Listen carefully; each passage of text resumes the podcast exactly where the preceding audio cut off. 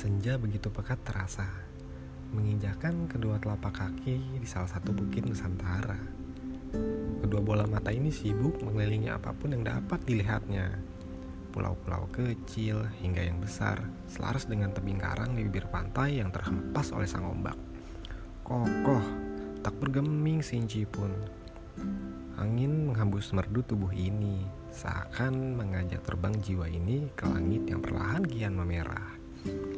Matahari terlihat merah berkilau seolah ingin memberi salam perpisahan sebelum akhirnya menenggelamkan diri di kaki-kaki langit. Kepulauan, tebing karang, deru ombak, dan hembusan angin laut mengiringi langit merah yang perlahan memadam. Hah, sungguh kombinasi yang sempurna. Ya, lukisan sang pencipta. Satu rasi jingga.